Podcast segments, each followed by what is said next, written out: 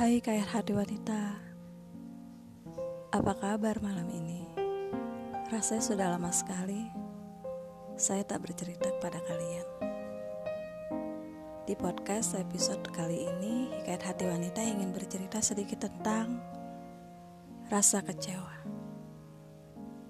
Dan inilah ceritanya. Kecewa. Berbicara tentang kecewa aku sudah beberapa kali merasakan kecewa lantaran hati yang mencinta. Aku tak pernah merasa dicintai, layaknya wanita pada pasangannya,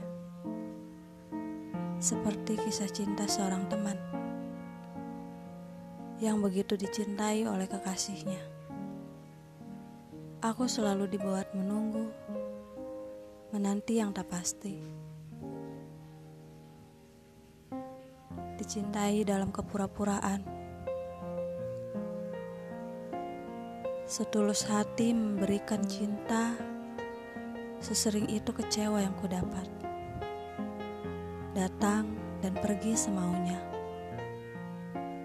Kadang aku merasa dunia ini tak adil. Apakah aku tak pantas untuk bahagia? Tak layakkah aku untuk dicintai?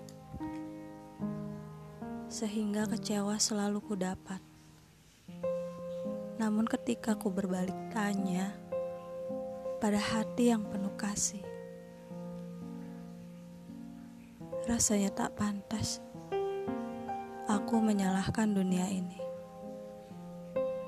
Bukankah setiap yang ada di dunia ini sudah kehendaknya, sekalipun itu urusan hati manusia? Kadang kita dipertemukan dengan seseorang yang salah untuk dapat belajar dari kesalahan itu.